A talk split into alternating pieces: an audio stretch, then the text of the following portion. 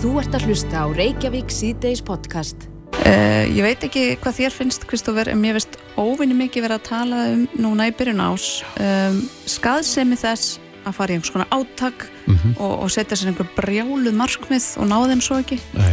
Mér finnst svona eins og fólk sem kannski verið aðeins meðvitaður um að, að þetta er langklöp ekki mhm. sprettlöp Já, það hljómar betur þannig einhvern veginn eins og þú segja um, Ég rækku auðvitað í hans áhugaverðan pistilin á vísi.is sem ber titilin hvaða lífstíl er góður fyrir hilsuna mm -hmm. og það er eins og að fjallum það. Það er kannski ekkert rosalega sniðut að dempa sér í svona átaka af fullum krafti í einhvern afmarkaðan tíma. Einhvern kúr.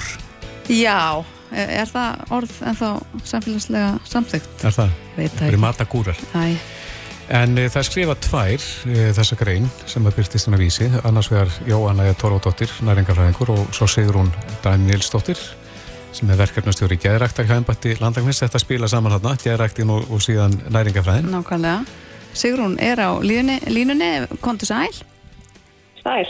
Hvað segir þú, er það ekki nokkuð vel orðað hjá Kristófer, næringafræði og Gæðrækt spila svolítið saman? Jú, ekki spurning En hvað er svona kveikjan að þessum písli? Getur þú sagt okkur aðeins um hvað þið eruð að fjalla? Já, það er kannski bara eins og þú komst inn á í þessum engangi að það er svo algengt að þessi tímamót, svona nýtt ár og nýbyrjun, verður þess að fólk steti sér alls konar markmið sem eru oft bara jákvægt og, og uppbyggilegt.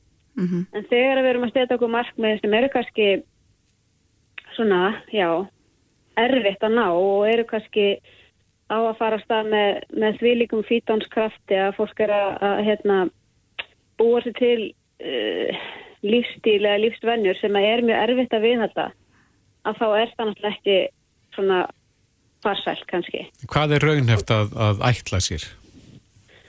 Já, það er svona það, það sem við erum að benda á í þessum tilsli að það er langt best að uh, einbetir sér bara að því að taka svona hæg skref að því að bæta einn lífsvennjur mm -hmm. og hafa fókusin þar mm. þannig að hérna, þú getur ekki tapað á því að vinna allir með bara bættum sveppvennjum bæta meira grammeti og ávasti inn í mataræðið auka fiskneslu e, bæta smávegis við reyfinguna kannski hverjum degi og slikt mm -hmm. í stað þess að einhvern veginn ætla að gera allt í einu og missa 30 kíló og, og hérna og svo fellur þetta allt um sjálft sig og þá líka auka, svona slæma aukaverkun af því getur verið að fólk bara sennilega gefist upp á því að reyna að bæta helsun mm. af því að því finnst það of erfitt og, og hérna og of leiðilegt og bara hérna tengir ekki svona langvarandi veljan við það að, að hérna uh, taka upp heilbyrðar lífsætti Einmitt. Þið tala líka um það í peislinum að, að svona þingdartapstilunir Eh, geti verið skadalegar heilsunni hvernig þá? Já það er bara akkurat þetta að mm. hérna uh, rannsónin hafa bara sínt það í ára tíi að í lang flestum tilfellum að það verður þetta í raun og veru ekki langvarandi þingdar tap heldur bara þingdar sveflur það sem fólk grannist þingist síðan aftur uh, og þá fyrir það ákveður að hérna grýpa aftur í temana letist og þingist aftur og þetta er ekki náttúrulega það sem að við erum að hugsa um þegar við hugsa um bara heilbræð lifnar hætti til frambúðar. Mm -hmm. Já, maður á í raunin að byrja á þeim endanum að, að bæta sko lifnarháttin, lifa hotlæri lífstíl og verðlunir fyrir það eru síðan þá kannski breyttar tölur á viktinni. Já, getur verið það. Já. En það bara, það gerist samt heldur ekki það er eitthvað sem við kannski höfum minnst stjórn yfir. Við höfum stjórn á því hvernig við lifum en við höfum miklu minni stjórn á því hver endanlega útkoma verður og þess vegna er það erfitt að setja því markmið til dæmis um breytingar á, á viktinu vegna þess að það þarf ekkert að vera að, að eh, breytir lifnaðarhættir skilir sér þar en þeir munu alltaf hjálpa þeir í að verða heilbriðari. Mm. Þetta er nú samt aldingustu markmiðin eða það ekki hjá fólki að það er að, að breyta tölunni á, á viktinni. Það er svona útgangspunkturinn. Jú, það er einmitt ofta.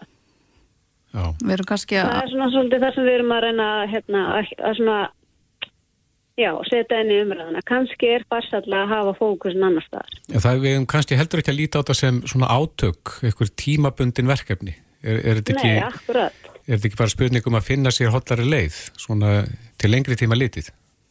Jú, þetta er nefnilega akkurat þannig að hérna, við þurfum að hugsa bara um uh, já, hugsa um heilbriði bara frekar fyrir lífstíð mm -hmm. eftir en einhvers konar mánadar hérna, átæk. Já, þú talar um þingdarsveiflur, það er að segja grennast og, og, og, og þingjast á víksl sem stundum talaðum að vera svona eins og jójó, það var allavega gert í gamla daga. Um, geta svona sveiflur haft einhver, einhverja alvarlegar aflengar ef maður svona til lengri tíma litið? Já, rannsóknum hafa skilt að það er alls konar hérna, neikvæða útkomur tengta því að að letast og þingast á vikst og við erum alltaf að tala um bara fylgni og samband þannig að það er úrslega erfitt að spýra úr um hvað er að valda hverju. En hjá fólki sem að þeir í gegnum svona hérna, tíðar breytingar á þing þá hefur komið fram ímiskonar hérna, kvillar eins og veikin hérna, herri blóðþrýstingur mm. tap og vöðvamasta langvinna bólkur í líkamannum og með þess að aukinn dánatíðni þannig að þetta er allavega eitthvað sem við ættum að staldra við og, og svona velta fyrir okkur, það er kannski fælst ennett í þessari spurningu á þessum pysli hjá okkur sko, eða tillinum, hvað er, hvaða lífstill er góð fyrir heilsuna, mm -hmm. að við gerum eitthvað ráð fyrir því að þetta sé jákvægt að fara í endalus átök og hérna og einmitt grannast og þingast og vikst og svona. Um, en ef við horfum á rannsóknir þá, þá ættum við að staldra við og, og reyna að fara aðra leiða því að bæta bæta einn heilst og velja mm, Horfa á þetta heildrænt, taka allt Já. með í reikningin Er það þó valdingt? eins og við segjum, langklöp en ekki sprettur Já, er það þó valdingt tilur það að að fólk lættjast að ætli sér á mikið og gefist upp? Uh, já, ég held það og hún kom líka inn á þetta núna í fréttum rúfi byrjun ár, svona annars segir þið Rólastáttir nærikafræðingur mm -hmm. og þá var fókusun akkurat þessi sko að hérna að þegar við ætlum okkur of mikið og ætlum að gera allt í einu þá er miklu líklara að það renn út í sandin og þá ekki endilega bara við um þetta, það er í raun og veru bara með öll verkefni lífsins sko, ef við gerum hérna sko langan lista, to-do-lista fyrir daginn. Hversu líklust er að við náum að afgreða þau verkefni vel og, og komast í gegnum hann? Og hver eru líkunar á að við bara hennilega verðum sko að bara þyrmi yfir okkur og, og hérna okkur finnir slutinni bara vera óverðanleira því við erum að ætla okkur allt og mikið í allt og, og gefum okkur allt og lítinn tíma til þess. Einmitt. En það er þessi heilaga þrenning, það er eh, næringin, það er reyfingin og það er kvíldin og svefnin. Tekur ekki endur það að þessi þrý þætti þeir svona eru líkillin í þessu öllu? Akkurat og eins og við nefnum þannig líki í lókin að bara geðræktin að hérna uh, hitta annað fólk og, og hérna sinna slögun og, og allir þess að þetta þetta er allt samverkandi og, og hjálpar okkur að, að hérna, líða sem best, þannig að, að fólk bara líka gleymi því ekki mm -hmm. Já, þetta eru, þetta eru góð skilabúð uh, og takk fyrir að, að fræða okkur aðeins meira um þetta Sigrun Danlýrstóttir, verkefna stjóri gerðar hjá Embætti Landlæknis við mælum að sjá sér með því að fólk lesi þennan pistil inn á vísi.is en uh, takk fyrir spjallið og, og gangið er vel í þessari vegferð sem og öðru Takk fyrir sem leið. Þú ert að hlusta á Reykjavík C-Days podcast. Já, en Reykjavík C-Days staðin í faraldrinum er ekki góð, má segja. Nei, alltaf ekki. Nei, það eru enþá að greinast yfir þúsund uh, síktir á dag mm -hmm. og uh, búið að lýsa yfir neðarástandi á spítalanum, mm -hmm. landspítalanum. Já. En uh, Kári Stefansson er á línunni, kom til sæl. Komið til sæl. Aðeins að, að því að þú ert nú að reyna að komast að því hversu margir eru síktir þarna úti og mögulega veit ekki af því. Hvernig gengur svo skimun?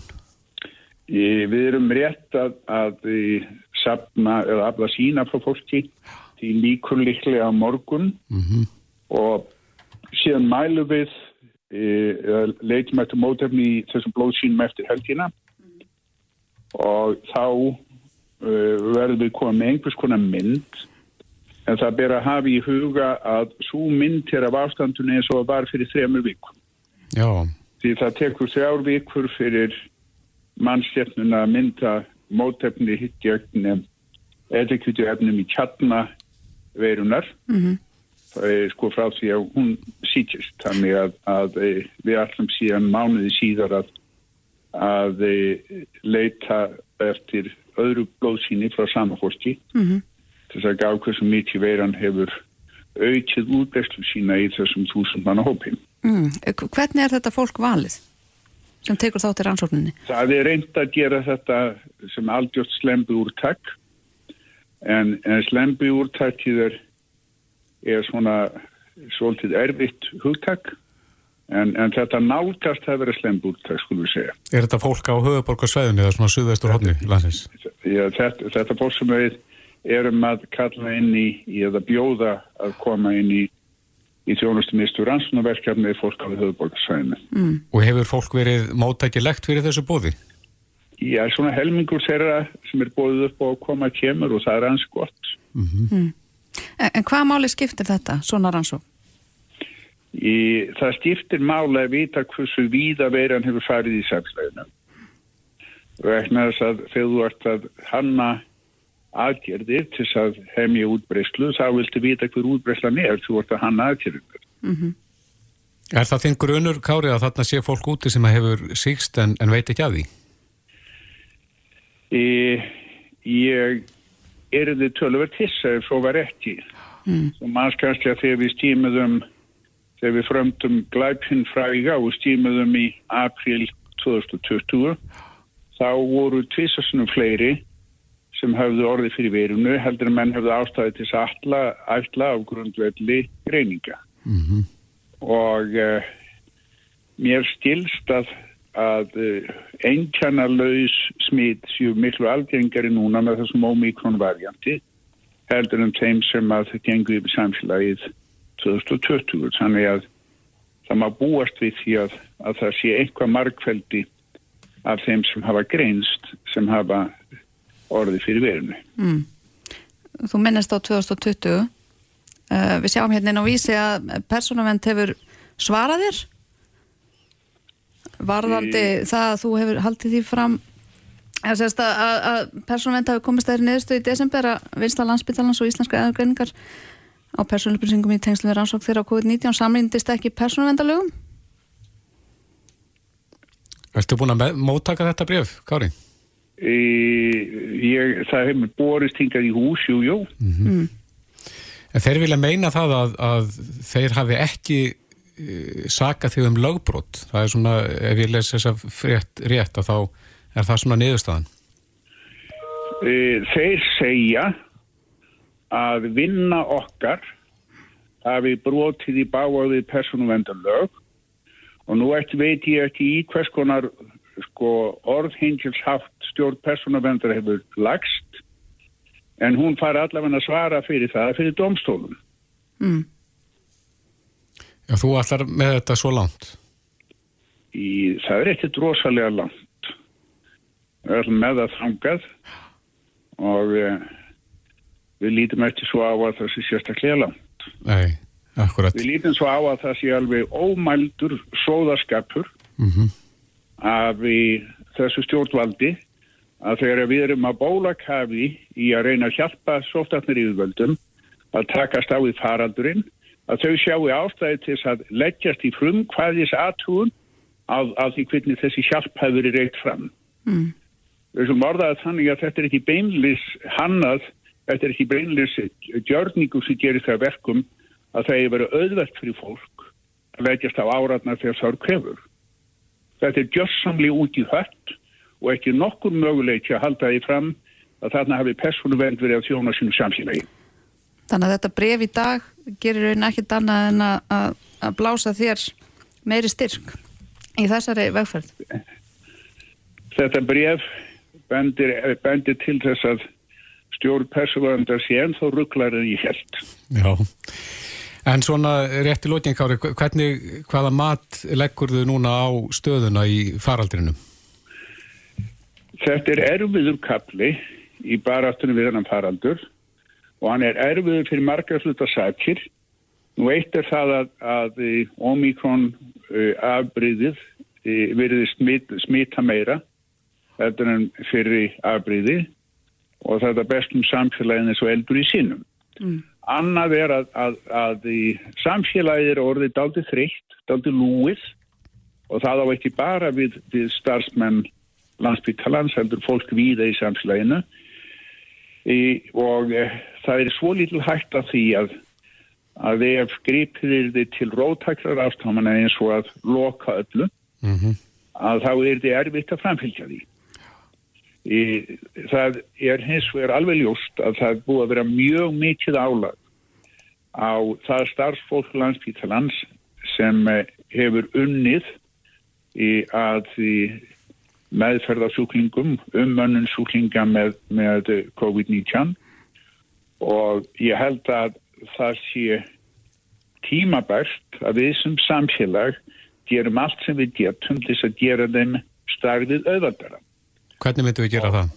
Eitt, eitt af því sem má gera er til dæmis að, að verðlauna þetta fólk e, kröftulegar, heldur við um gert hingað til mm -hmm. e, greiða þeim mjög myndalegan bónus fyrir það vinnu sem það er að vinna núna jáfnveil tvöfaldar löndira næstu tvo-þrjá mánuðina til þess að sjá til þess að, að þeim finnist eins og við gerum okkur grein fyrir því hversu mikilvæg vinnan er. Þess að vinna þeirra er ekki bara mikilvæg þegar kemur að helsu landsmanna, vinna þeirra er líka mjög mikilvæg þegar kemur að því að halda öllu gangandi í samfélaginu. Og kostnaðurinn við það að setja allt í lás núna eru þau svo margfalt meiri heldur um kostnaðurinn af því að umbuna þessu fólki á þann veg að þeir eru auðvalda fyrir það að koma í vinnun á mornana.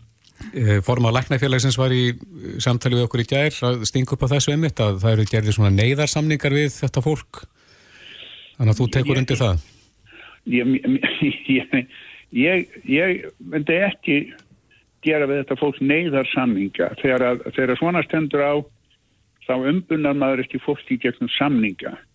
Maður bara umbunar þessu fólki af því að maður, maður horfir á framlæð þeirra hversu mikið þarf að leggja á sig og, og, og bara sér til þess að mm. það fái myndalega umbun fyrir að halda samfélaginu gangandi. Mm. Mér finnst þetta einhvern veginn alveg gjörsanlega sjálfsagt og mér finnst líka mjög mikilvægt að, að fólk er ísu upp og, og láti heyra í sér í, um, uh, þannig að fólk, þetta fólk gerir sér grein fyrir því að við erum öll okkur meðutum hvað, hvað þetta fólk er að leggja mikið að mörgum. Mm -hmm.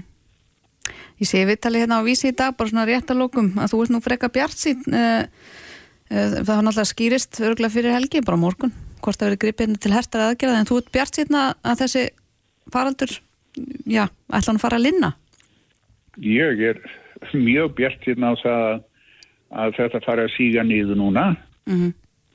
og, og ég, ég er mjög bjart sín á að að um mitt ár, eða setni hluta þess árs, þá verðum við laus úr þessari bísund, verðum laus við þennan faraldur mm -hmm. og engin ástæðast til þess að búast við öðruðum því að við getum það byrjað að lífa tiltúlega norma lífi. Mm. Hefur þitt fyrirtæki sloppið í þessum faraldur eða hefur þið mist marga í, í þennan sjúkdóm?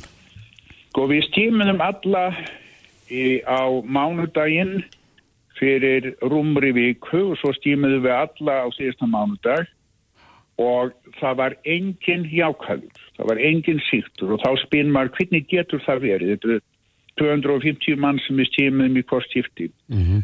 og ástæðan fyrir því að, að það voru allir hér neikvæðri er að, að COVID-19 er hegðunarsjúkdómur, það behavioral disease, hvort þú smítast eða ekki markast að því hvernig þú hagar þér. Og þessar tvær stíminir eru bara sönnum þess að hérna í Vasmírinni vinna svona Asperger nördar sem eigi í engum meðlum samstýstu með annað fólk. já, það er ekkert annað. Um. Já, já, við látum þetta vera loka orðin. Kárið Stefansson, fórstjóri Íslenskar erðargreiningar. Kæra þakki fyrir þetta. Þetta er Reykjavík C-Days podcast. Reykjavík C-Days, við ætlum aðeins að bregða okkur út á vegi landsins. Já, því hefur nú, Bjarni Benditsson, fjármálaráðara, hefur hefur talað um það núna síðustu vikur að það sé í bígerð að finna einhvers konar leið til þess að skatleggja um, rafbíla og hugsanlega tengið tvinnbíla og... Já, það var náttúrulega skattadagurnir í dag og uh, það var, var, sagt, var aðstöfni morgun já, viðskiptar á því ef ég hef tekið rétt eftir en, en það segir hér í frettin á vefsiðu Ríkisútvarsins að, að Bjarni Benn hafi mitt sagt á þessum uh, fundi í morgun að yfirvöld var að skoða aðrar leiði til að skatleggja nótkun ökutækja það sem að gjöld af ólí og bensinni mm -hmm. hafa dreyið saman öðundaförnu og það verði að bregðast við því, sagðan. Mm. En e, svo er aðrir sem að spyrja ef að á að fara að velta þessu yfir á rafbíleigandur hvort að það geti dreyið úr hraðanum í orku stiftunum sem að nú standa þau yfir. Já, og hér setur Tómas Kristjánsson formað rafbílasambands Íslands, verður velkominn. Takk. Hvað segir þú? Hvað, er, hvað finnst þér svona físilegasti kosturinn í stöðunni?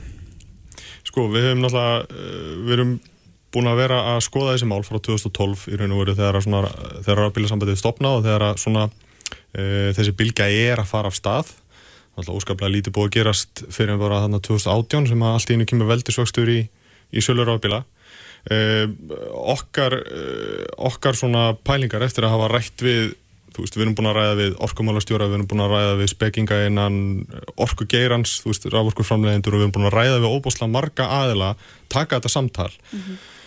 og e, það sem kemur út af því er að til dæmis uh, sagt, verðið, innköpaverðið á bílnum er miklu mikilvægara fyrir fólk heldur en rekstarkostnæðurinn þannig að það er það myndir svona hafa minni áhrif til dæmis ef, að, ef það er laður á rafbíl einhver svona kilometragjald eða einhver skattur á, á keirsluna frekar heldur en að fara strax í að fella niður þessi hérna, þennan afslátt á, á virðisökkarskatti mm -hmm. uh, afslóttur á virðisaukarskatti hefur náttúrulega verið þarna síðan uh, 2012 og þá var það ekki sett á 15 bíla alveg eins og við tvinnbílana. Uh, þetta, er, þetta er núna að renna út bráðan fyrir tvinnbílana og svo aðeins setna fyrir rábílana að þeir hafa ekki selst eins mikið. Uh, uh það er svona uh, já, hluti ástæðinu fyrir okkur þessi afslóttur á virðisaukarskatt var settur á er að því að rafbílar voru dýrari innköpum mm -hmm. veist, og þá virkaði eins og, eins og ég vittni í þessa rannsókn að innköpaverðið hefur meira að segja heldur en rekstarkostnæðurinn uh, þannig að það var svona, svona meiri pressa á að, að hérna, halda innköpaverðinu lágu. Og það er gert með engum vörgjöldum og afslættið að virðsökkaskatti uh, eins og þróunin hefur verið undanfæran ár þá stefnir allt í á svona cirka bá 2025 þá verði rafbílar orðnir jafnvel ódýrari sem sagt í framleiðslu heldur en sambarilegir elsnitispílar og þá fer náttúrulega að koma því að það er raun og verið ekki ástæði til þess að vera með afslátt af virðsökkaskatti lengur. Það gerir sjálfkrafa. Sko, að, að verði jafnast Já, það er framleiðslu kostnæður náttúrulega jafnast út bara. Uh, verð á raflöfum hefur verið að hríðleika uh, bara á undanfunnu tíu árum hefur, hefur verð á kilóstundar raflöðu lekka tífalt mm -hmm. og raflan á sama tíma orðið tífalt, tífalt betri skiljur, í endingu og, og hún hefur verið léttari og hún hefur minkað og allt svo leiðs, þannig að mm -hmm. það búið ofbúslega þróun í rafluðutækni sko og þetta náttúrulega heldur bara áfram, sérstaklega þegar rafbílar orðinir svona vinsalir í heiminum þá komur svo mikill þungi á bakvið mm -hmm. við þróunar sko þannig að eins og ég segi, hvort þetta sé svona 2025, 2026, 2027 eitthvað svo leiðis, að þá eru við allan að tala um að rafbílar verði ódýrar í framleiðslu. En mörgum þykir þetta vera líka bara sko jafnbreytismál að, að menn borgi jafn mikið fyrir nótkun á vegunum sama hvort að menn er á bensín, dísil eða rafmagni. Já, og ég meina, ég er í sjálf og sér alveg sammála því, þú veist, eitt skal yfir alla ganga, alveg svo skatturinn gerir, sko. Mm -hmm. uh, en það er líka spurning, uh, að hverju á að fara að herja á rafbíla núna þegar að þeir tellja 4% af heldar bílaflota einstakling á Íslandi, þú veist, þetta er ekki telljandi, þetta er ekki telljandi upphæðir. Mm. Veist, það er mín persónulega skoðun að það mætti alveg býða með þessa skattlegningu þánga til rafbílarorðnir svona teljandi hluti af bílaflótanum mm. þannig að annað sem hefur áhrif á lækkað ólíugjald eða mingandi tekir ólíugjaldi og það er bara sparneitni elsnendisbíla sem hefur stóraugist á síðustu tíu árum sko mm -hmm. þannig að og með að við að elsnendisbíla séu þarna 95% af bílaflótanum eða þú veist bíla sem brenna elsnendi séu 95% þá sé ég fyrir mér að sparneitnin sparnaður á elsnendis innköpum uh, elsnindis bíla upphæðin sé miklu meiri þegar það kemur ólíugjaldinu heldur en að fara í það að, að hérna, skatleikar afbíla. En þessi tekjustofn hefur dreigið saman hjá ríkinu og það er Já. Bjarni vil bregðast við því og og fleiri. Já. Hver væri svona eðlilegasta leiðin til þess? Já, okkur út frá finnst, yk ykkar sjónar hólið séð. já, eins og ég komin á það, þú veist, maður er sér ekkert á móti því að, að nótkunn rafbíla sé skatla, skatlega einhvern hátt. Það eru fjölmörg dæmi um kílómetragjald, eins og við þekkjum bara frá gömlu díselbílunum hérna í gamla dag sem voru, var lesið af einu svona ári og svo bara ruk- rukkað kílómetragjald. Uh, Við þekkjum þetta frá hérna þingri aukutæki, það er til reglugerðum um hérna, kilometrgjald á þau, þú veist, vörubíla og svo leiðis og þar er til dæmis uh, 10 tóna aukutæki er að greiða, greiða 0,29 krónur eða 29 auðra per kilometr per eginn kilometr En það myndi þá leggjast þingar á þá sem að þurfa að sætja vinnu um lengri veg, til dæmis? uh, Nei, sko já, ég meina, þú veist, þá ertu líka bara að nota vegina meira og eins og, eins og ég hef oft sagt við fólk að, að og fólk verður aðtúa sko að, að þessi gjöld sem að, sem að hæstvistur fjármálar á þeirra er að tala um þetta, eru, þetta er ríkiskattur sem að fer þá bara í ríkisvegina. Þetta er ekki tekið sem að sveitafélugin fá. Og langmestur hluti aksturs rafbíla er á vegum sveitafélagana þú veist þannig að uh, en, ég, en ég skil vel veist, og, ég er alveg sammálaði að það er alveg skiljanlegt að það þurfi að setja á einhvern svona skatt yfir alla. En ég vil þá, ég vil þá, ég er í raun og veru það miklu hlindari því að það verði bara sami skattur settur á öll aukutæki þú veist að allir borga, ég meina elsnindisbílar er dag að borga töluvert herri bifræðagjöld heldur en rafbílar. Ég vil bara afnema bifræðagjöldin og það sé bara kílómetragjald á alla bíla. Einmitt. Þú veist, það er ákveðið sanginnisjónamið sko Já, þetta kom svolítið flatt upp á einhverja, þessi umræða sem spratt allt í hennu upp, var það ekki bara rétt fyrir áramót um þessa skattlagningu á uh, jú. Heldur þetta drægi úr fólki út af því að þó að við náttúrulega viljum öll vernda umhverfi, þá eru margir sem kaupa sér þessa bíla til þess að spara. Já, og eins og ég segi, ef við erum að tala um að, að sko kílómetragjald verði króna á eigin kílómetr sem er, þú veist, 70 pro, eh, hérna, eh, margfalt meira heldur en þungaugutæki er, er að borga sko, en þetta er bara svona tala gripun og lausu lofti. Ef við gerum ráð fyrir króna á kílómetr meðal rafbíli kannski kerðu 15 km ári þá er þetta 15 skall ári sem þú átt að borga. Þetta er ekki einhver upphæð sem er að fara að koma í vekk fyrir það að þú eigðir 8 miljónum í rafbíl. Þú veist, þannig að þetta er þetta þetta er svona insignificant upphæð sem bara ég, ég, ég hef ekki trúa því að þetta muni hafa áhrif á, á sölur rafbíla. En ég er hins vegar algjörlega á því að sko, sérstaklega eftir að hafa rætt við alla, alla þessa aðila sem að koma að rafbílamálum á Íslandi eins og ég nefndi áðan, þú veist, raforku salar og uh, flutningsaðila rafmaks og bílasalar og þú veist, allir sem að hafa með, með rafbíla að gera að þá, þá hefur maður svolítið orðið var við það að það er einhvern veginn að, það er allir með sömu hugsunna það vita allir hvert við erum að stefna.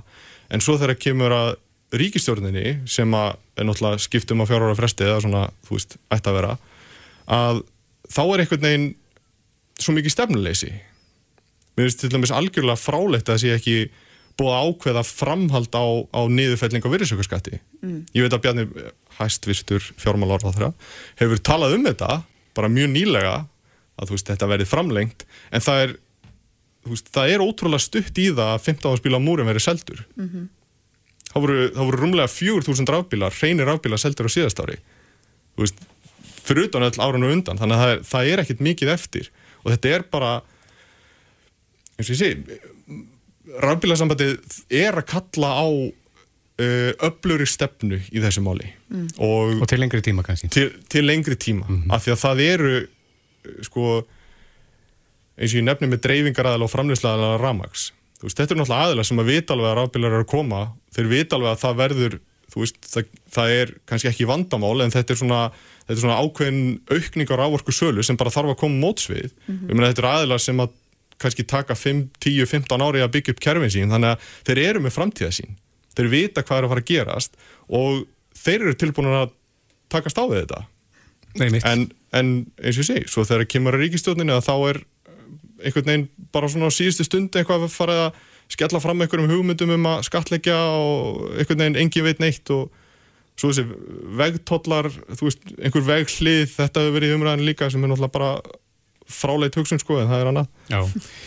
Tómas Kristjánsson, formaður rafbílarsambansins, uh, einhver verður lendingin í þessu, við sjáum hver hún verður, en kæra þakki fyrir spjallið. Takk fyrir.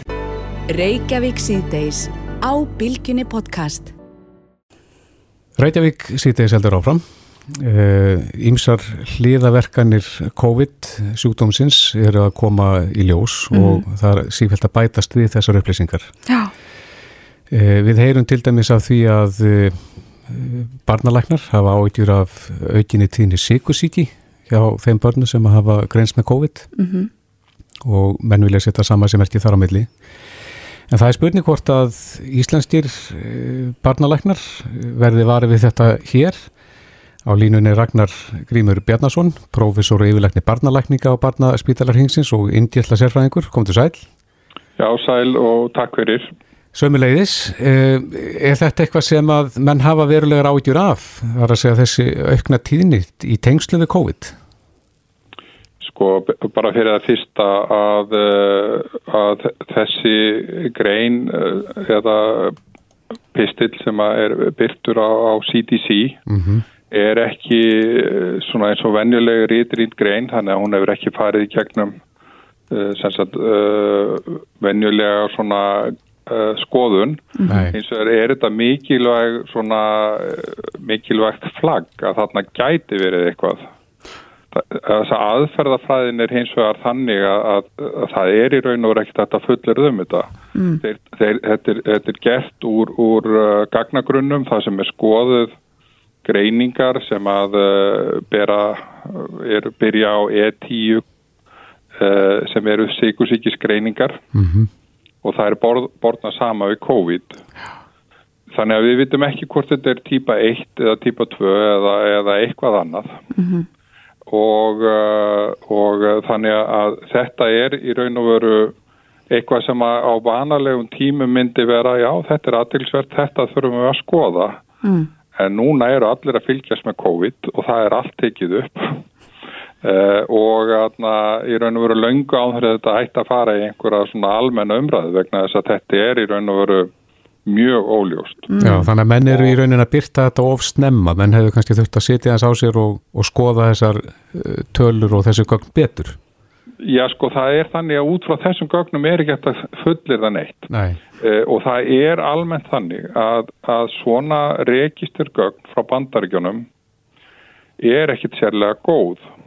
Mm. Uh, við á Norðurlöndum höfum til margra ára verið með samstarf uh, diabetes sko skráa Norðurlandana þar sem við púlum data, þar sem við getum skoðað uh, hvað er á baku greininguna uh, ástand við komu við gætu og við erum bara núna að, skoða það eigum við að, skoða þetta hjá okkur þar sem við getum líka þá tengt við síkingar, tengt við uh, mótefnamælingar að þau eru til uh, og uh, þannig fengi þetta ná, sko námkvæmari tölur Mm. uh, því að það sem að gerist er það að, að ef að þetta er til dæmis, við erum að tala um populasjón þar sem með mikið að feitum einstaklingum ofita mjög algengi bandarækjunum meðal barna og, og típa 2 síkusíki er algeng það líka. Mhm. uh, mun minna hjá okkur hjá, hjá svona ungu fólki. Að uh, og típa 2 greinist annarkvort þegar þú ert komið með mjög mikil enginni eða af því að þú ert að koma eh, til, í heilbriðsjónustu út af einhverju öðru. Þá mældi blóðsökur, hann er hára og þá er þetta allt ína greinistu kannski núna. Mm uh, og þannig að út frá þessu er ekki að fullir þetta svona en þetta er samt eitthvað sem þarf að skoða. Já, bara þannig að hlustendur séu meðvitað um það sem að kemur fram hérna í þessari grein á vef CTC og ef ég skil þetta rétt að sérst börn yngan 18 ára sem eru með síkusíki um, gætu hugsanlega fengið verri enginni eftir að hafa smittast á COVID-19, sérst verri enginni af síkusíki en er það líka þannig að þeir eru Nei, að það er ekki það sem stendur þarna sko okay. það er bara aukning á greiningum aukning á greiningum á síkusíki já, mm. og, og að, að það sé sem sagt uh, og, og, og það sé aukning þá miða við uh, aðra sem að ekki hafa fengið COVID Nei. Mm -hmm. En, en hefur þessi... Það gæti verið hellingur af, af börnum sem eru með típu 2 sigusíki sem eru ekki greinda því að þau voru ekki veik. Mm -hmm. En hefur þessi grein sem að byrtist allin á heimasíðu CTC, hefur hún vatið upp umræðu meðal barnalækna? Já, eins og ég segi, ég er búin að hafa samband við kollega mína og samstarfsæðila, við erum að spá í að skoða þetta. Við vorum þegar komin á stað með að skoða aukningu á, á blóðsýringu sem er mjög alvarlegt ástand við greiningu, hvort að það hafi aukist að því að mhm. aðgengi að, að uh, heilbreyðisjónustu hefur í raun verið skert núna í næri tvö ár. Emitt og fólk að veira sig við að koma og alltaf ertu, örug, ertu öruglega ekki með COVID og alltaf þannig að, að það getur leitt til alvarlegri veikinda. Mm -hmm. Þannig að við erum að skoða það að bæta þessu við en það mun ekki líka fyrir niðurstöður á morgun eða, eða hinsko, það, það tekur tíma. Það Já. er að samkera kerfi, það er að fá uh, leifi síðan nefnd og annað hins vegar varðandi greiningar almennt á síkusíki að þá er rosalega erfitt að greina aukningu eða mingun í svona litlu landi við meðaltal greininga sko típu 1 síkusíki er svona kringum 18 börn á ári mm -hmm. en það fluktuerar frá 14 og upp í 23 og síðasta ár greindusmarkir 27 mm -hmm. en það er það er ekki takt að segja það fyrir nettu fimm ár hvort þetta er aukning eða ekki. Nei, akkurat. Og þannig er bara í svona litlum tölum og þá, þá verður maður að passa sig á því að, að róp ekki bara upp eftir fyrsta árið að nú er bara allt að fara til fjandans að því að við grindum svo mörg í, í ár sko. Já, mm. það er eins og bendi líka á að að staðan e, þegar það kemur að ofettu barna er, er og tíðnin er mun herri í bandaríkjunum heldur en við annar staðar. Já, en við reyndar á Íslandi erum mjög duglega að fylgja bandaríkjumannum í þessum öfnum. Þannig að, að, Þannig að þetta gæti með, með þá... þjóðum Evrópu, sko. Já, akkurat. Já, uh, þetta er aðdeglisvert og eins og segir þá ættir að rýna miklu betur í, í þessar tölur og verður eflega stjert en Ragnar Grímur Bjarnason, professor yfirleikni barnalækninga barnaspítalar hingsins og indjötla sérfæðingur, kæra þætti fyrir spjallið. Takk svo mjög leiðis. Reykjavík síðdeis á Bilginni podcast. Í dag er met fjöldi þeirra sem að þeir annarkot í sótkvíði einangrun mm -hmm. Og uh, þessi þáttur eitthvað síðan, slemtu nú heldur betur í því? Heldur betur, ég var farin að hafa ágjörðar að þetta er bara að hætta við þennan þátt alfarið. Já, nei, það var nú ekki svo hérna slæmt en, en bæði ég og Þórtís náttúrulega lendum í einangrun mm -hmm. og uh, ég fór á hótel, sóttotnar hótel, uh, flúði heimilið. Já og það voru svona nokkrar græjur sem að má segja hafi bjarga geðheilsunni þegar maður er lokaður svona inni og er haldið frá umheiminum mm. en þá getur maður samt heimsótt ímislegt með réttu græjun Já, þú sést ekki bara að tala um síma eða tölvu eða svona þetta, þetta hefðbundna Nei, vegna þess að einn helsta græjan, ég ætla bara að fullera það að, að einn besta græjan til að bjarga geðhelsunni í svona ástandi mm. eru síndaveruleika gliru eða Oculus eins og, eins og ég var með uh -huh. þarna gæt maður bara gert ímislegt ég fór til dæmis eh, nokkra ringi átjánhólu ringi á golvillinu já, já, já. Lokaðurinn litlu herbyggi er lit, litið úr þetta svo fló þegar þú varst að gera það. Pottétt, en það lit ég enga sjá mig. Dró fyrir öll glukatjöld en, en uh, svo spilaði ég bortennis Já. Og uh, þarna var maður bara inn í herbergi mm -hmm. með góðum félaga og spilaði bortinnis. Ég spilaði bortinnis við Svolminn meðal annars sem var stattur út í Luxemburg. Er enginn slesa þetta að þessu? Varst aldrei það æstur að þú slóst hendinni? Nei, nei, maður verður náttúrulega að kunna sig. Já. En ég fó líka að spila bortinnis og, og hérna spilaði golf með uh, viðmælanda sem er komin hinga til okkar, Ólafur Kristjánsson. Tæki Óli, velkomin. Mm, takk. Erðu þú þekkið þessa græju mjög vel?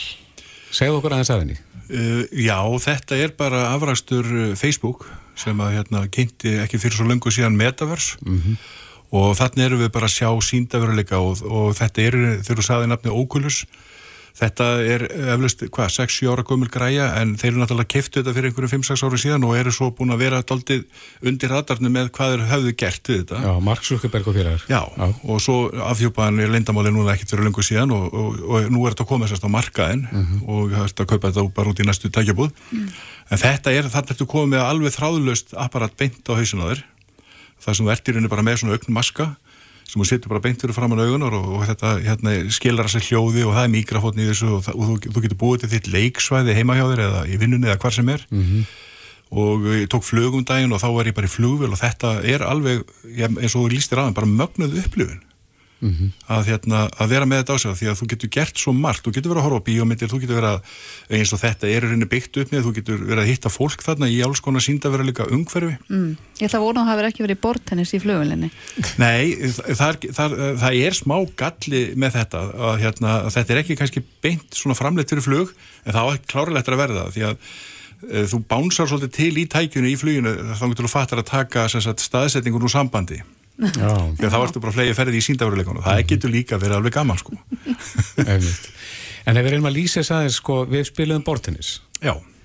Og þetta var bara við, það var eins og við værum báður að spila bortinnis, við stæðum bara inn í herbyggi með bortinnisborða millokkar og við fundum fyrir snertingu þegar að spaðin snerti kúluna og, og það kemur svona pínu, uh, maður segja svona lítið högg í hendina sem maður finnur fyrir þessu. Já, það er, það er, þetta er óbáslega skrítin ekki bara bortins, þetta er bara margt annað sem þú gerir, þú finnur alveg fyrir uh, svona áhrifunum af umhverfinu. Mm. þar er að segja, þegar þú ert að heldur á spaða eða gólkilvu og þú finnur alveg fyrir því að þú ert að halda á einhverju. Mm og þetta eins og í bortennisinu þegar vorum að þegar kúlan kannski fer á gólfið þá heyrir maður að kúlan smellir í gólfinu eða þegar hún fer út um gluggan eða eitthvað eins og gerist í okkur þá, Var það Kristófer sem bara grítin út um gluggan? Nei það var ég, tekit á mig En hvernig verðið þið sveittir? Veist, er, þetta, er þetta æfing? Ja, þetta heldur mann á reyfingu Já og, og ég var búin að stilla græna hjá mér að, að hún lætur mig vita þegar ég er búin að, að hérna, reyfa mig það mikið þess að ég er búin að brenna einhverju kaloríum þá fæ ég svona upplýsingur um það hvað ég er búin að reyfa mig mikið mm. og maður, jújú, jú, maður svitnar alveg og, og maður hittnar alveg í þessu því að hamurinn verður mikill, maður verður svolítið æstur sko, mm -hmm. maður getur orðið það. Keppniskapið er mikið í mánu, okkur báðum hérna. En við fórum líka eh, ring á golvveldinu Já, það var, það er, það er líka alveg magnað, hvað, hvernig það virkar. Og ég, ég er svona nýbyrjar í þessu sporti að, að spila golf. Mm -hmm. og, og það að prófa þetta síðan að þetta þetta hjálpar manni svona við alltaf vissir í sveiblu þó mann sé ekki sérstaklega góður að þá er þetta samt svona, það heldur manni svolítið við. Mm. og, og hérna bara rosalega skemmtileg upplifun. Og sérstaklega þegar maður er kannski búin að taka upphafsöka þá getur maður með smá, smá svona handarhefingum uh, gert þetta þannig að maður sér í rauninni völlinni sem maður sé fuggl upp í hálóftunum þannig að þetta er rosalega, þetta er mikil upplifun. Mm -hmm. Eila, ég held að það sé rétt orðið. Þetta er ofsalega mikil og sterk upplifun.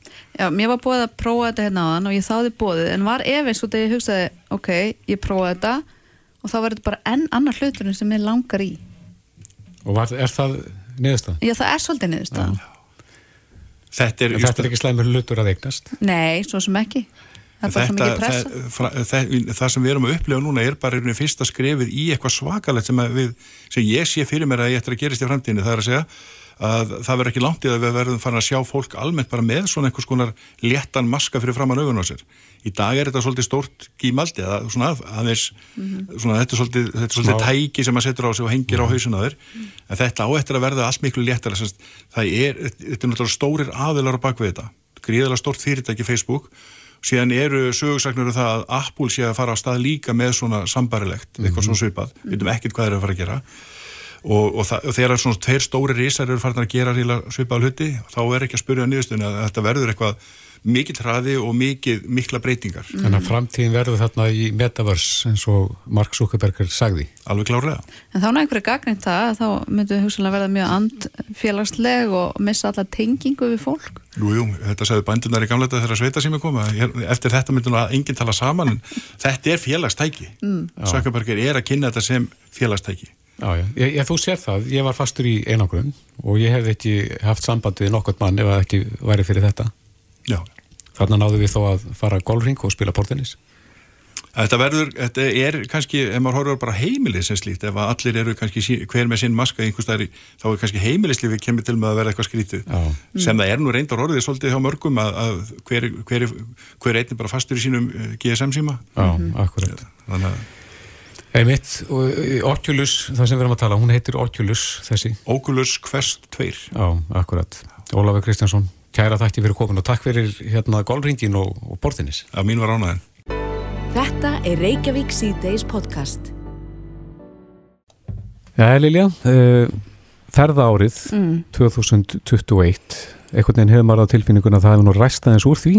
Já, maður hefur allavega að sé fleiri ferðamenn svona hér og þar en maður bjóst við í upphafi ásæðan. Já, þó að það hefur komið þetta, þetta bakslag, þarna svona undir lok ársins þegar Ómikrón fór að vaði yfir heimsbyðina. Mhm. Mm En það er spurning hvað tölurna segja þegar að bókaldið er, er gert upp. Emmett. Á línunni er eh, ferðamála stjórin sjálfur, Skarpiðinberg Steinarsson, kom til sæl. Kom til sæl. Já, þegar að þið gerið upp eh, ferðaþjónustu árið 2021, hvernig er niðurstaðan? Já, í, í fjölda ferðamanna þá kemur ljóslitt og þið nefnið að, að hérna, það rættist heldur úr því þegar leið á árið Eh, fyrstu fimm ánina voru sára fáið ferðarmann í landinu en svo svona fer þetta hérna við í byrjun sumars og, og sumarið er þetta alveg þokkalegt og svo hefur hver mánuðin eftir öðru nú í haust verið betri heldur en e, starra hlutfall af því sem það var fyrir COVID heldur en, heldur en sá mánuð sem var undan mm. e, og enda svo með að, að ferðamanna fjöldi hér við jól og áramóti er bara með allra skásta móti. Þess að þrátt fyrir uppsveiflu ómikrons? Já, sko það sem að, en, en núna og að sjáum við, sjáum við áhrifin að því. E, það er einhvern veginn, jú, og einhverjar ábúkanir um jól og áramóti en, en ekkert með þeim hætti sem að hefðu nátt e, óttast um. Mm. Það er, já, jól og áramót voru bara með allra skasta móti en, en svo er, er ferðarþjónustan hins fyrir að sjá kannski mikið ábókunum núna í, eh, í januar og, og, og inn, í, inn í februar þannig að, þannig að hérna áhrifin eru fyrstast núna. Mm. En, en sko varðandi, já, þannig að, þannig að það voru tæmlega 700.000 eh, ferðarmenn á síðast ári eh, varðandi rekstur og rekstur ákomuna líkt og við, við byrstum í síðustu viku að þá þá var hún svona kannski heldur skarri heldur en að menn hefði getið óttast um mm -hmm. og, og hérna en, en hún var sannlega ekki góð og það var skuldasöfnum og, og hérna tabrekstur en það var ekki svo, svo katastrófa sem að menn hefði kannski getað geta ímyndað sér. Nei, einmitt. Hverja voru svona spátnar uh, eh, áður við fórum inn í þetta ár 2021? Þú segir að við hefum klárað árið í tæpum 700.000 brottförum Hvernig voru spánar? Hvernig það út hérna upphafi 2021? Já sko þegar, að, þegar COVID var að byrja og fyrstu vikum og mánuðum COVID eh, 2020 að þá voru menn að gera áfrið því að 2021 er því bara já svona einhver starf þeim tölum sem við núna að gera áfrið 2022 verði. Þetta verði svona 1,3 ár, 1,4 miljónir, 1,5 eitthvað svo leiðist mm -hmm. en, en það var strax útlýtt fyrir það snemma á árunni 2021 að, að við myndum ekki vera að ná, ná þeim tölu Nei, já, menn voru sko þegar í uppæfi faraldur sinns þarna strax í janúar þá heldum en að þetta væri bara riðið yfir þarna um sömarið, sama ár Já, já. já. En eh, hver eru spátnar núna fyrir þetta ár, 2022? Sko, það sem að allir þeir sem hafa stungi hausnum út og reynt að spá fyrir frum fjöldaferðamann á þessu ári e, þá eru tölurna svona þetta 1,3 til 1,5 1,6 miljónir mm. þannig að við sjöum að tegja okkur svona upp undir það sem þetta var fyrir hvað 5 árum síðan 5-6 árum síðan mm. og, e, og, og svona almennt gert ráð fyrir því að, að e, janúar og februar verði mjög slagir Eh, þeir sem eru bjassýtni gera á fyrir að þetta byggi upp í mass og, og, verði þokkalegt vor og síðan, síðan áfram gott. Mm. aðri gera á fyrir að þetta verði ekki komið í, í, í þokkalegt hjappaði fyrir, fyrir byrjum sumas en, en almennt held ég að, að mennsi að gera á fyrir því að sumarið og haustu verði, verði gott. En þá með þeim fyrirvari að þetta sé nú við sjáum fyrir endan á, á COVID mm. áhrifunum Já, þetta hefur náttúrulega verið mikið högg fyrir ferðarþjónustuna en getur ferðarþjónustan tekið á móti svona mörgum ferðarmennum ef að bjartsýnstu spár ganga eftir? Já, já, það er, það er alveg klátt og minna, svo ákast að geta sem, að, sem er í ferðarþjónustunni e, var að ráða ágætla við e, þennan fjölda sem að var fyrir COVID og fór hæst upp í tæpa 2,5 miljón ferðarmanna. Er ekki margir starfsmennfarnir heimsamt? Jújú, jú, en það er, og, og það er eitt áhugjörnum að í ferðarþjónustunni að, að hérna það hafi margir góður og öflugir starfsmenn horfið til annar að starfa, en, en það er eitt af því sem að ferðarþjónustunni mun takast á við og mun leysa. Þannig að ég held að það verði ekki til þess að fælast fyrir, en, en þetta, eins og síðast og sumar að þá, þráttir að voru ekki fleiri ferðarmenn heldur með þetta, þá voru, voru vandræði við að ráða fólk í vinnu. Já. Mm. Eh, nýjasta herrferðin, þar sem að eh, gert var grínað eh, þessari kynningu Mark Zuckerbergers Metaverse herrferðin vakti miklu aðtekli, hafið þið fengið hérna viðbröð?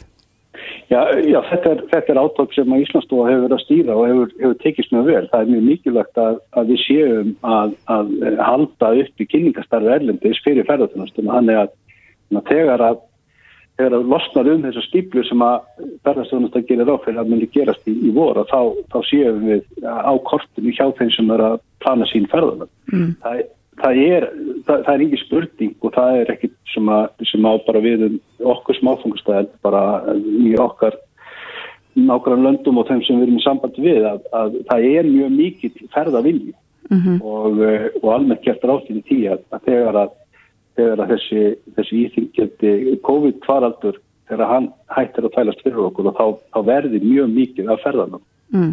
allstað. En hvað með svona aðila einan ferðarþjónustunnar? Eru þeir að treysta á meiri stuðning frá hinn ofinbera?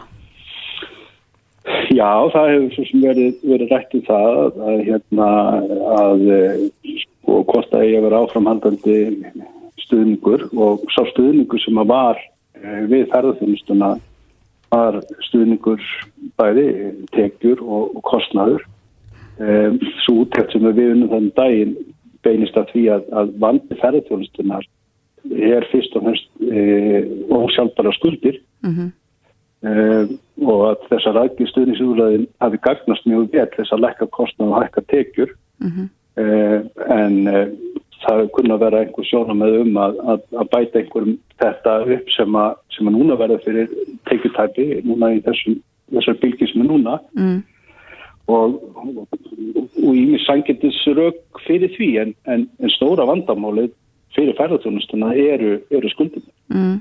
Þannig að við getum þá því miður kannski séð einhver fyrirtæki á þessu ári hverfa á þessum markaði?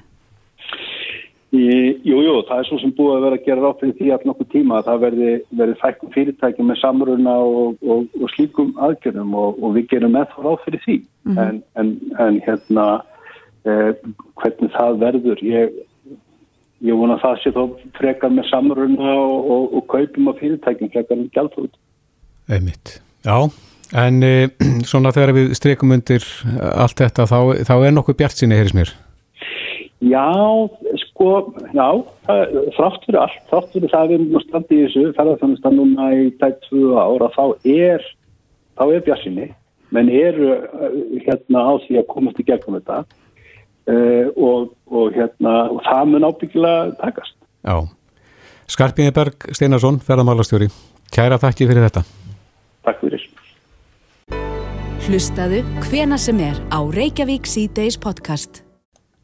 Og áframhöldu við, fara að stýttast í lokin og þessum þætti en við ætlum aðeins að koma við í Budapest í Ungverjalandi. Þar er, eh, já, hann er ekki stattur þar en fylgist vel með vantarlega Guðjón Guðmundsson, okkar einn ein helsti sérfræðingur í handbólta. Sæl, Guðbi minn. Góðan daginn. Ja, þú ert vantarlega spenntur fyrir morgundeginum. Já, ég er orðið mjög spenntur, reyndar eins og fjóðin. Ég man nú ekki eftir eh, svona, já, miklu hæpi fyrir stórmóta hefur verið þýrstu daga hérna heima svona mikill í bjaffinum gott gengi á þessu erummistaramóti sem er reyndar að hefjast í dag í Slovakju Já, er, er hérna er fyrir ekki eitthvað er innistæða fyrir þessari bjaffinni? Já, ég ætlaði einmitt að fara að skýra það innistæðan, vendilega skýrist að tí og, og, og þessar vendinga skýrast að tí að leikmið íslenska liðsinsmarki hverjir hafa verið að spila feikilega vel í Evrópa með sínu félagsliðum mm -hmm. og uh, væntalega drefur fólk það, það er álættin að því að þeir geti þá framkalla sama leik og þeir hafa verið að spila í Európum með Íslandska landsliðunni í Ungarlandi mm -hmm.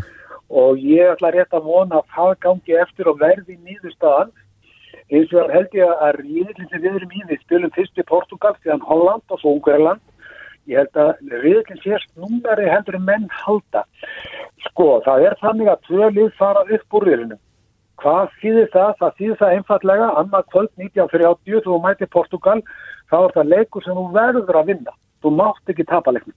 Ef þú ætlaðir upp úr riðlinum mm -hmm. vegna þess að þá áttu Holland eftir, þú átt að vinna Holland en ég held að veri mjög hæpið að vinna ungverja og heimavelli í Budapest fyrir fram að 20.000 áhörfundur, að þú séð með frábært lið, mm -hmm. ég held að sé nánast útiloka, þó ég útiloka ekki en ég held að það bara verði mjög erfitt Þannig að þessi leikur á móti Portugal er í raun fyrsti útlutaleikurinn af þremur í, þessa, í þessari byrjun á þessu erfumestara móti. Já, en það kom þessi læð þarna síni tíma eftir Silvrið.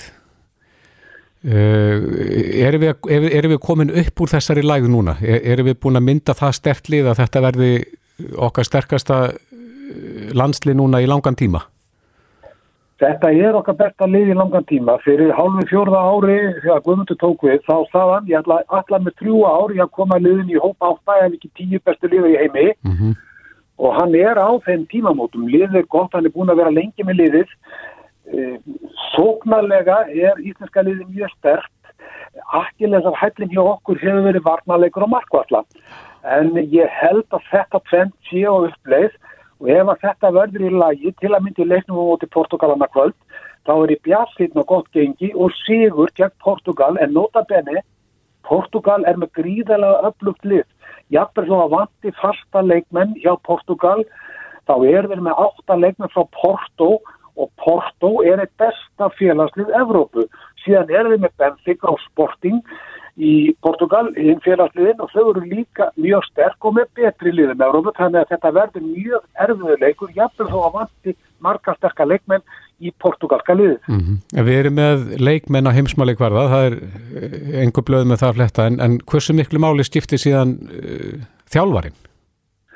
Já, þjálfarin hefur gríðilega mikil áhrif, þetta hann leggur upp leikinn og hann er býstnast í allu, þetta er hann einþykkur og hefur farið sín reygin leiðir En hann er með gott lið í hundunum og ég er alveg samfarið um það að Guðmundur Guðmundsson er veikur undirbýr lið sitt vel fyrir svona átök, þá er það hann. En síðan er það að þú ert komin á, á stafinn og þegar flauta er til leiks, þá þurfa leikmennir í liðinu að geta framkalla það sem þjálfanir leggur uppnið. Og það hefur við oftar en ekki reynd okkur bísna strömmit. Mm -hmm. Viltu spá ykkur um gengið? Hvernig endar þetta? Ég, ég spái því að við förum upp úr riðlinum og komumst í milliriðil. Þar taka við gríðarlega sterkir anstæðingar, króatar, jafnvel, frakkar, danir og slóvenar. Mm -hmm.